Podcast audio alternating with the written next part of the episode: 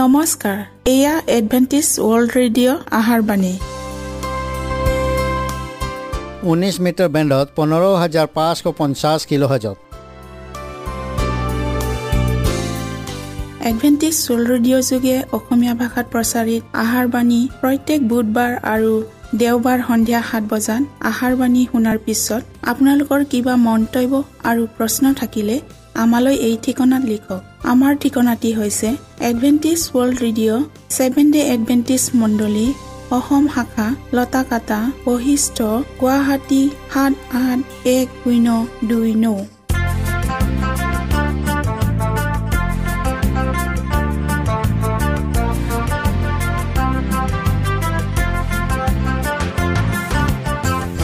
প্ৰিয় শ্ৰোতা বন্ধুসকল এতিয়া শুনো আহক এটি খ্ৰীষ্টীয় ধৰ্মীয় গীত। মৰমেৰে চাই আছে। তেন্তে বোলা প্ৰভুৰ ওচৰ থাকিম আমি আনন্দে। প্ৰভুয়ে আমাক মাতিছে। মৰমেৰে চাই আছে। বোলা প্ৰভুৰ ওচৰ থাকিম আমি আনন্দে।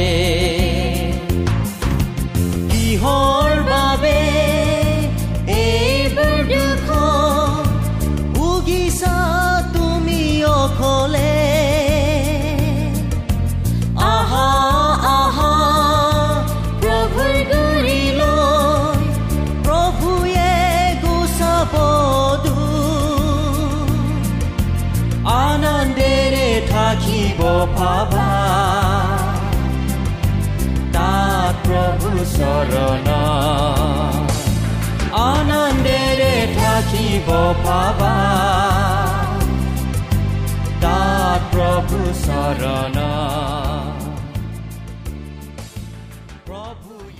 প্ৰিয় শ্ৰোতা বন্ধুসকল আহক আমি খন্তেক সময় বাইবেল অধ্যয়ন কৰোঁ হওক। আজিৰ আমাৰ বিষয়টি হ'ল স্বৰ্গীয় সাহাৰ্যৰ প্ৰতিজ্ঞা। বাইবেল পতি লোৱা হৈছে মঠি দহ অধ্যায়ৰ ঊনৈছ পদ। কিন্তু যেতিয়া তোমালোকক সোধাই দিব তেতিয়া কেনেকৈ বা কি কথা ক'ব লাগে তাক সেই মুহূৰ্ততে তোমালোকক দিয়া হ'ব। বিষয়টিৰ আগবঢ়াৰ আগত আমি প্ৰাৰ্থনা কৰোঁ হওক সেই সৰ্বশক্তিমান প্ৰভু পুনৰাই আজি তোমাৰ বাক্য শুনিবলৈ এই সুযোগ দিলা। তাৰ বাবে তোমাক ধন্যবাদ জনাইছোঁ। প্ৰভু আমি যি বিষয়টিলৈ অধ্যয়ন কৰিবলৈ আগবঢ়াইছোঁ সেই বিষয়টিলৈ জানিবলৈ আমাক জ্ঞান আৰু বুদ্ধি দিয়া। সকলো শ্ৰোতাৰ হৃদয় পবিত্ৰ আত্মাৰ যোগেদি স্পৰ্শ কৰি দিয়া। যীশুৰ নামত আমেন। খ্ৰীষ্টৰ দাস দাসীসকলে সিহঁতৰ বিশ্বাসৰ কাৰণে যেতিয়া সিহঁতক পৰীক্ষালৈ নিয়া হ'ব তেতিয়া কি ক'ব লাগিব তাক ঠিক কৰিবলৈ কোনো প্ৰয়োজন নাই।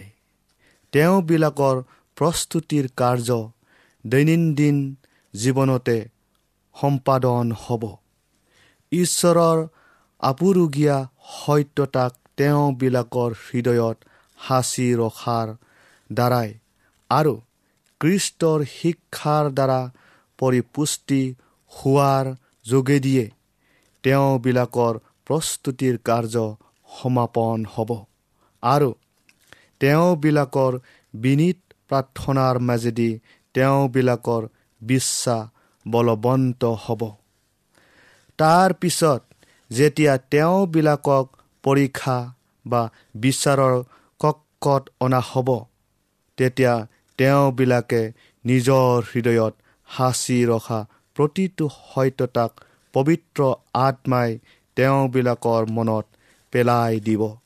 আৰু এই সত্যতাক বিচাৰ সভাত উপস্থিত থকা সকলোৱে শুনিবলৈ পাব। অতি যত্ন আৰু পৰিশ্ৰমেৰে শাস্ত্ৰ অধ্যয়ন কৰা সকলক ঈশ্বৰে জ্ঞানেৰে উপচাই পেলাব। আৰু এইবোৰ জ্ঞানক প্ৰতিটো প্ৰয়োজনীয় সময়ত তেওঁবিলাকৰ মনত পেলাই দিব। ঈশ্বৰে তেওঁবিলাকৰ স্মৰণ শক্তি বৃদ্ধি কৰি দিব। এতিয়া আপুনি সেই পৰীক্ষাৰ সময়ৰ বাবে সাজু কৰিব লাগিব। আপোনাৰ ভৰি দুখনে সেই অনন্ত শিলৰ ওপৰত কোপনি পুতি ল'লে নে নাই সেইটো আপুনি এতিয়াই জানি ল'ব লাগিব। আপুনি ব্যক্তিগতভাৱে অভিজ্ঞতা আহৰণ কৰিবই লাগিব আৰু আপোনাক প্ৰয়োজন হোৱা পোহৰখিনিৰ বাবে আপুনি আনৰ ওপৰত নিৰ্ভৰশীল হ'ব নালাগিব। আপোনাক যেতিয়া পৰীক্ষালৈ অনা হ'ব তেতিয়া আপোনাৰ পক্ষত জগতৰ কোনো বন্ধু নথকা স্বত্তেও আপুনি যে অকলশৰীয়া নহয় সেইটো আপুনি কেনেকৈ জানিব? তেতিয়া আপুনি এইটো উপলব্ধি কৰিবলৈ সক্ষম হ'বনে যে খ্ৰীষ্টই আপোনাক সহায় কৰিবলৈ থিয় হৈ আছে? আপুনি সেই প্ৰতিজ্ঞাৰ কথাখিনিক স্মৰণ কৰিবলৈ সক্ষম হ'বনে? চোৱা জগতৰ শেষলৈকে মই সদায় তোমালোকৰ সংগে সংগে আছোঁ। এইবোৰ আপুনি মনত ৰাখিবনে? আপোনাক সকলো প্ৰকাৰে ধ্বংস কৰিবলৈ চেষ্টা কৰা সময়ত আপোনাক সহায় কৰিবলৈ অদৃশ্যজনা সদায় উপস্থিত থাকিব। আপুনি যে ঈশ্বৰৰ আৰু তেওঁৰ সত্যতাৰ লগত দৃঢ়কৈ সংলগ্ন হৈ আছে। তাৰ পৰা আপোনাক আঁতৰাই আনিবলৈ ছয়তান আৰু তাৰ অনুচৰ বৰ্গই সকলো প্ৰকাৰে চেষ্টা চলাব। কিন্তু আপুনি যদি এটা চকুৰেও তেওঁৰ মহিমাৰ ওপৰত দৃষ্টি ৰাখে তেন্তে তেওঁৰ সত্যতাৰ বিষয়ে কেনেকৈ সাক্ষ্য দিম বুলি আপুনি চিন্তা কৰাৰ কোনো প্ৰয়োজন নাই। হেৰা ডেকা গাভৰুসকল আপোনালোকে কৃষ্টত থাকি নৰ আৰু নাৰীৰ পৰিপক্ক অৱস্থা পালেনে? যাতে যেতিয়া সংকটৰ মুহূৰ্ত উপস্থিত হ'ব তেতিয়া তোমালোকে যেন তোমালোকৰ শক্তিৰ আধাৰ আৰু উৎসৰ পৰা পৃথক হৈ নপৰা।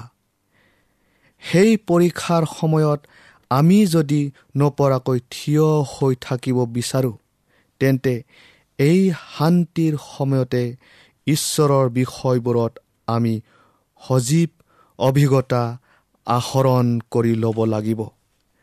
ঈশ্বৰৰ আত্মাৰ গভীৰতা কিমান?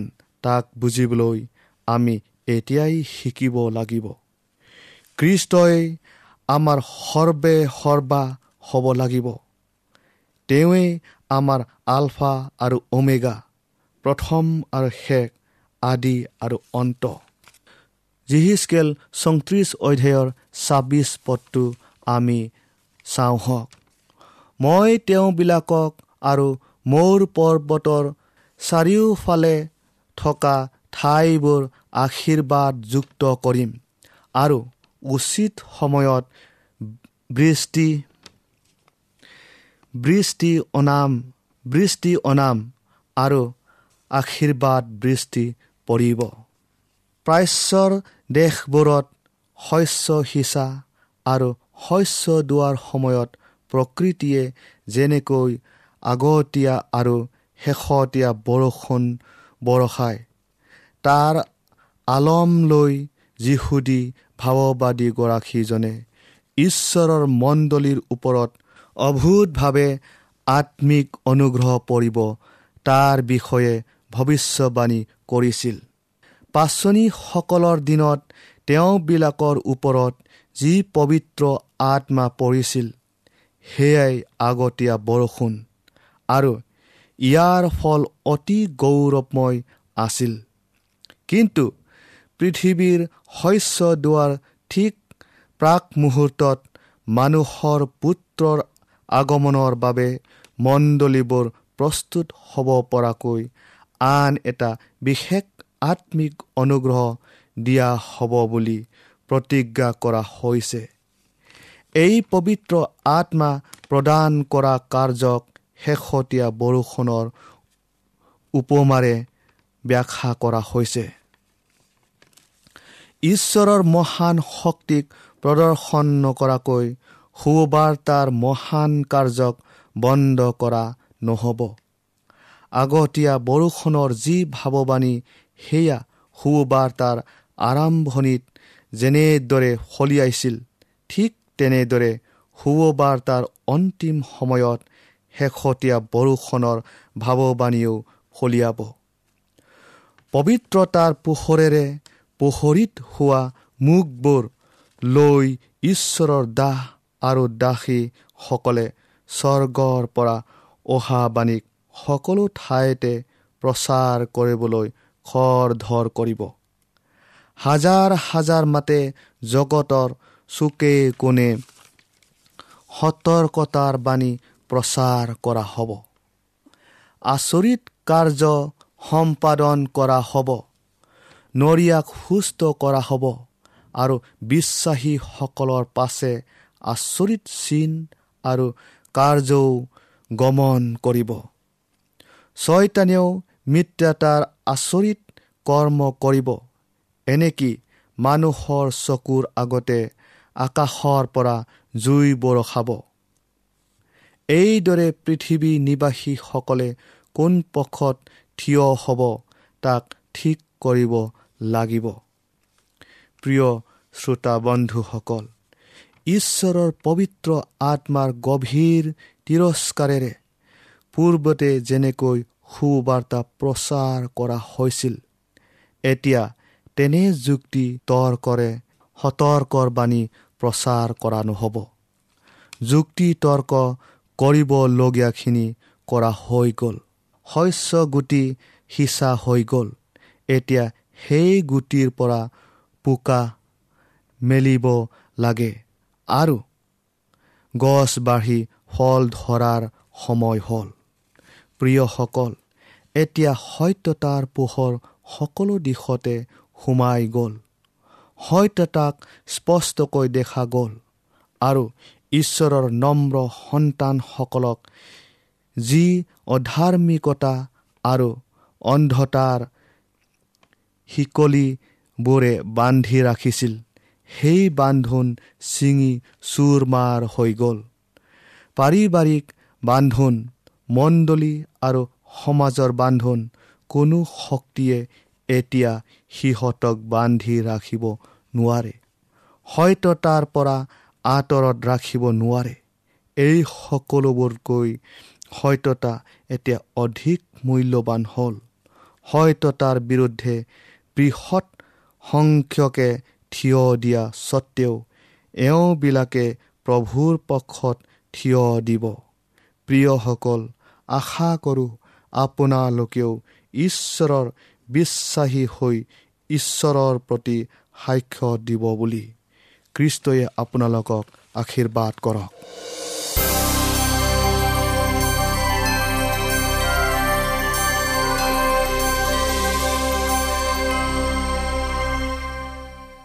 আজিৰ বিষয়টি হ'ল উৎপাতৰ সময়ত দুষ্টবিলাকৰ অৱস্থা শাস্ত্ৰ পদ লোৱা হৈছে আমোচ আঠ অধ্যায়ৰ এঘাৰ আৰু বাৰ পদ প্ৰভু জীহুৱাই কৈছে চোৱা যিদিনা মই দেশত অন্ন কি পানীৰ আকাল নহয় কিন্তু জীহুৱাই বাক্য শুনাৰ আকাল ঘটাম সেইদিনা আহিছে। আৰু লোকে এক সাগৰৰ পৰা আন সাগৰলৈ আৰু উত্তৰৰ পৰা পূবলৈ ভ্ৰমণ কৰিব আৰু জিহুৱাৰ বাক্য বিচাৰিবলৈ সিফালে সিফালে লৰি ফুৰিব কিন্তু তাক নাপাব।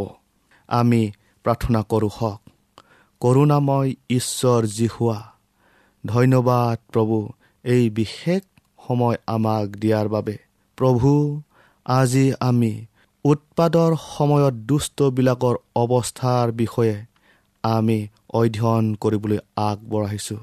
প্ৰভু এই বিষয়টিলৈ জানিবলৈ আমাক জ্ঞান আৰু বুদ্ধি দিয়া। পবিত্ৰ আত্মা সকলো শ্ৰোতাৰ ওপৰত দান দিয়া। এই চুটি যাচনা ত্ৰাণকৰ্তা যীশুৰ নামত খুজিলোঁ। আমেন। আৰু যেতিয়া কৰোণাৰ মধুৰ মাত অন্ত হ'ব তেতিয়া ভয় আৰু শংকাই দুষ্টবিলাকক আগচি ল'ব। স্পষ্টকৈ ভয়ংকৰ বাক্য তেওঁবিলাকে শুনিবলৈ পাব। পলম হ'ল বৰ পলম হৈ গ'ল বুলি।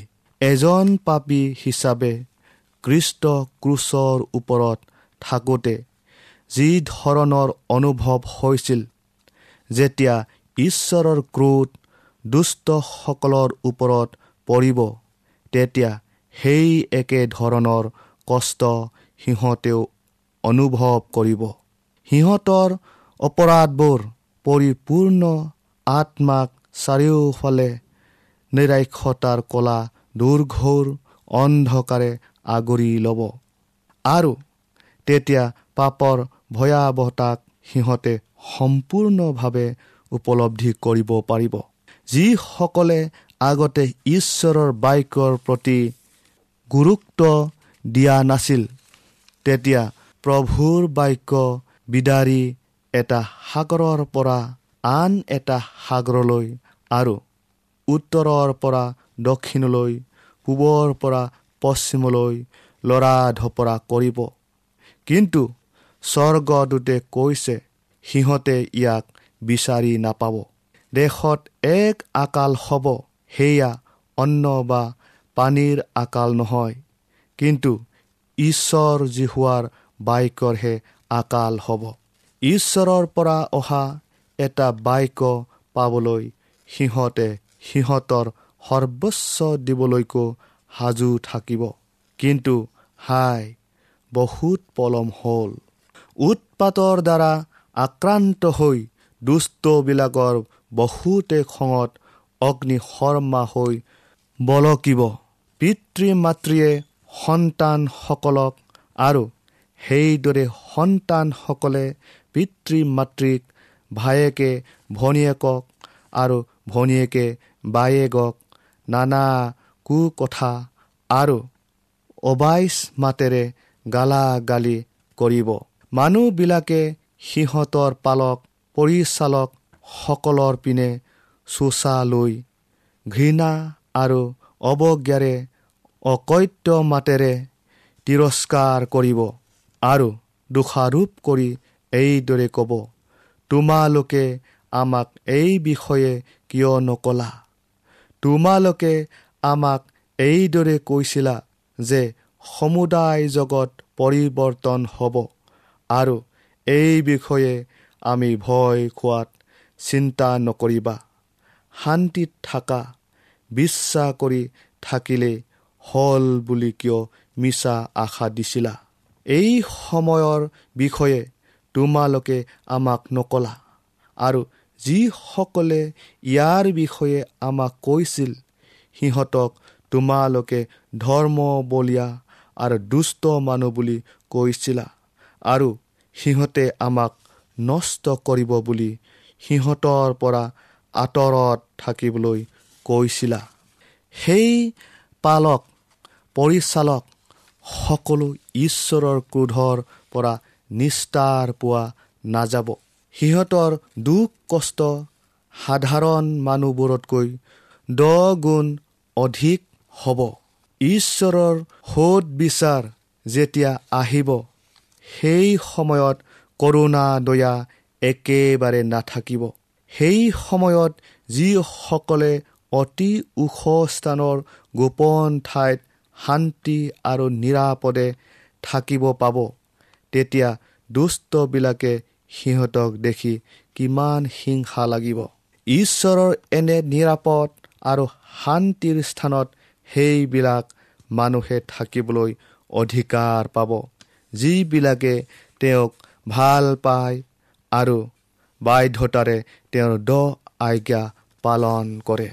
জিৰিমিয়া ত্ৰিছ অধ্যায়ৰ সাত পদটো আমি আকৌ পঢ়ো। হওক হাই হাই সেইদিন ইমান মহৎ যে তাৰ নিচিনা আৰু কোনো দিন নাই। এইয়ে জাকুবৰে সংকটৰ কাল। কিন্তু তেওঁ তাৰ পৰা ৰক্ষা পাব। ধৰ্মধামত যীশু খ্ৰীষ্টই নিজৰ কাৰ্য কৰি শেষ নকৰালৈকে চাৰিজন দূতে চাৰি বায়ুক ধৰি ৰাখিব। আৰু তাৰ পাছতহে সাতটা শেষ উৎপাত আহিব। এই উৎপাতৰ কাৰণে দুষ্ট লোকবিলাকে ধাৰ্মিকবিলাকৰ ওপৰত খং কৰিব। সিহঁতে ভাবিব যে এই ধাৰ্মিকবিলাকৰ কাৰণেহে ঈশ্বৰৰ বিচাৰ সিহঁতৰ ওপৰত পৰিছে। আৰু এই ধাৰ্মিকবিলাকক যদি পৃথিৱীৰ পৰা উচ্ছন্ন কৰিব পৰা যায় তেন্তে এই উৎপাত বন্ধ কৰিব পৰা যাব। সাধুসকলক হত্যা কৰিবলৈ এটা আদেশ জাৰি কৰা হ'ব যাৰ ফলত ইয়াৰ পৰা উদ্ধাৰ পাবলৈ সাধুসকলে দিনে ৰাতিয়ে ক্ৰদন কৰিব লাগিব। এই সময়খিনিকে জাকবৰ ক্লেশৰ সময় বুলি অভিহিত কৰা হৈছে। জাকুবৰ অহিতে ব্যৱস্থা ল'বলৈ এচৌক ছয়তানে যেনেকৈ প্ৰৰোচিত কৰিছিল ঠিক তেনেকৈ মহাক্লেশৰ সময়ত ঈশ্বৰৰ লোকবিলাকক ধ্বংস কৰিবলৈ সি দুষ্ট লোকবিলাকক প্ৰৰোচিত কৰিব। আৰু যেনেকৈ সি জাকুবক অপবাদ দি দোষাৰোপ কৰিছিল তেনেকৈ ঈশ্বৰৰ লোকবিলাকৰ বিৰুদ্ধেও অনেক অপবাদ আনি দোষী সাব্যস্ত কৰিবলৈ অসুপুৰুষাৰ্থ কৰিব। সি জগতখনক তাৰ অধীনত থকা বুলি দাবী কৰিব। কিন্তু ঈশ্বৰৰ বিধান পালনকাৰী সৰু দলটিয়ে তাৰ অধিপত্যক কেতিয়াও স্বীকাৰ কৰি নল'ব। যদি সি এওঁলোকক জগতৰ পৰা উচ্ছন্ন কৰিব পাৰে অৰ্থাৎ জগতৰ পৰা নাইকিয়া কৰিব পাৰে তেন্তে তাৰ বিজয় উল্লাস সম্পূৰ্ণ হ'ব। সি দেখিছে যে পবিত্ৰ দূতসমূহে তেওঁবিলাকক ৰক্ষণাবেক্ষণ দি আছে। আৰু সি জানিছে যে তেওঁবিলাকৰ পাপকো ক্ষমা কৰা হ'ল। কিন্তু সি এইটো জানা নাই যে তেওঁবিলাকৰ মোকৰ্দমাবোৰ ধৰ্মধামত নিষ্পত্তি কৰা হৈ গ'ল। তাৰ সেই পাপবোৰৰ বিষয়ে পূৰা মাত্ৰাই জ্ঞান আছে।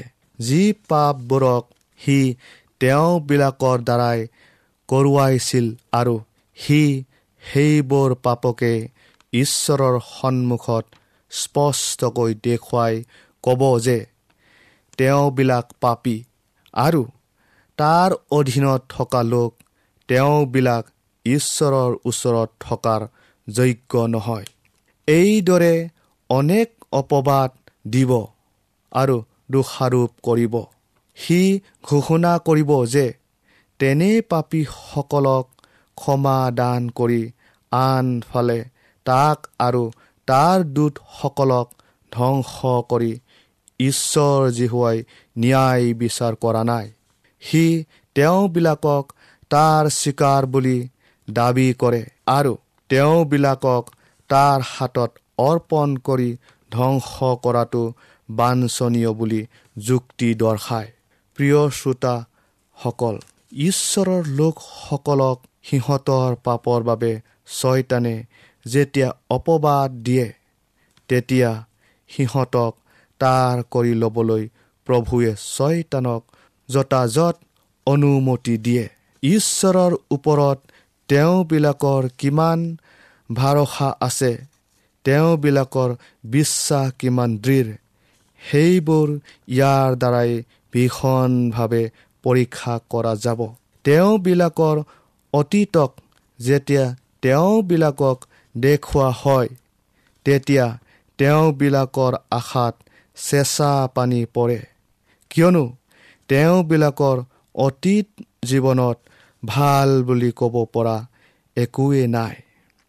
তেওঁবিলাকে নিজৰ দুৰ্বলতাবোৰৰ বাবে আৰু অযোগ্যতাবোৰৰ নিমিত্তে পূৰা মাত্ৰাই সচেতন আৰু জ্ঞাত। তেওঁবিলাকৰ এনে আশাহীন বিষয়বোৰক আৰু যেনেধৰণৰ পাপৰ দাগে তেওঁবিলাকক কলংকিত কৰিছে তাক ধুই পৰিষ্কাৰ কৰাটো কেতিয়াও সম্ভৱপৰ নহয়। এনে ভাৱ তেওঁবিলাকৰ মনত উদগাই ছয়তানে তেওঁবিলাকক ভয় খুৱাইছে।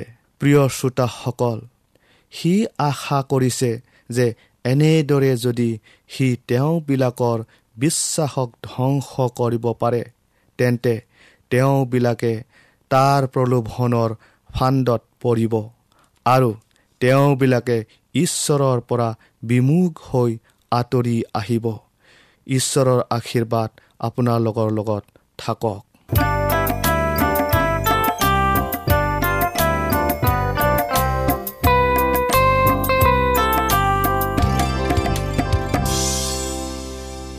মনত ৰাখিব আমাৰ ঠিকনাটি পুনৰ কৈ দিছোঁ Adventist World Radio' Assam region of seven day Adventist voice of hope Latakata Basistha Guwahati seven eight one zero' two nine প্ৰিয় শ্ৰোতা বন্ধুসকল এডভেণ্টিজ ৱৰ্ল্ড ৰেডিঅ' যোগে আহাৰবাণী প্ৰচাৰত আপোনালোকক পুনৰ লগ পোৱাৰ আহাৰে আজিলৈ সামৰিলোঁ। ধন্যবাদ।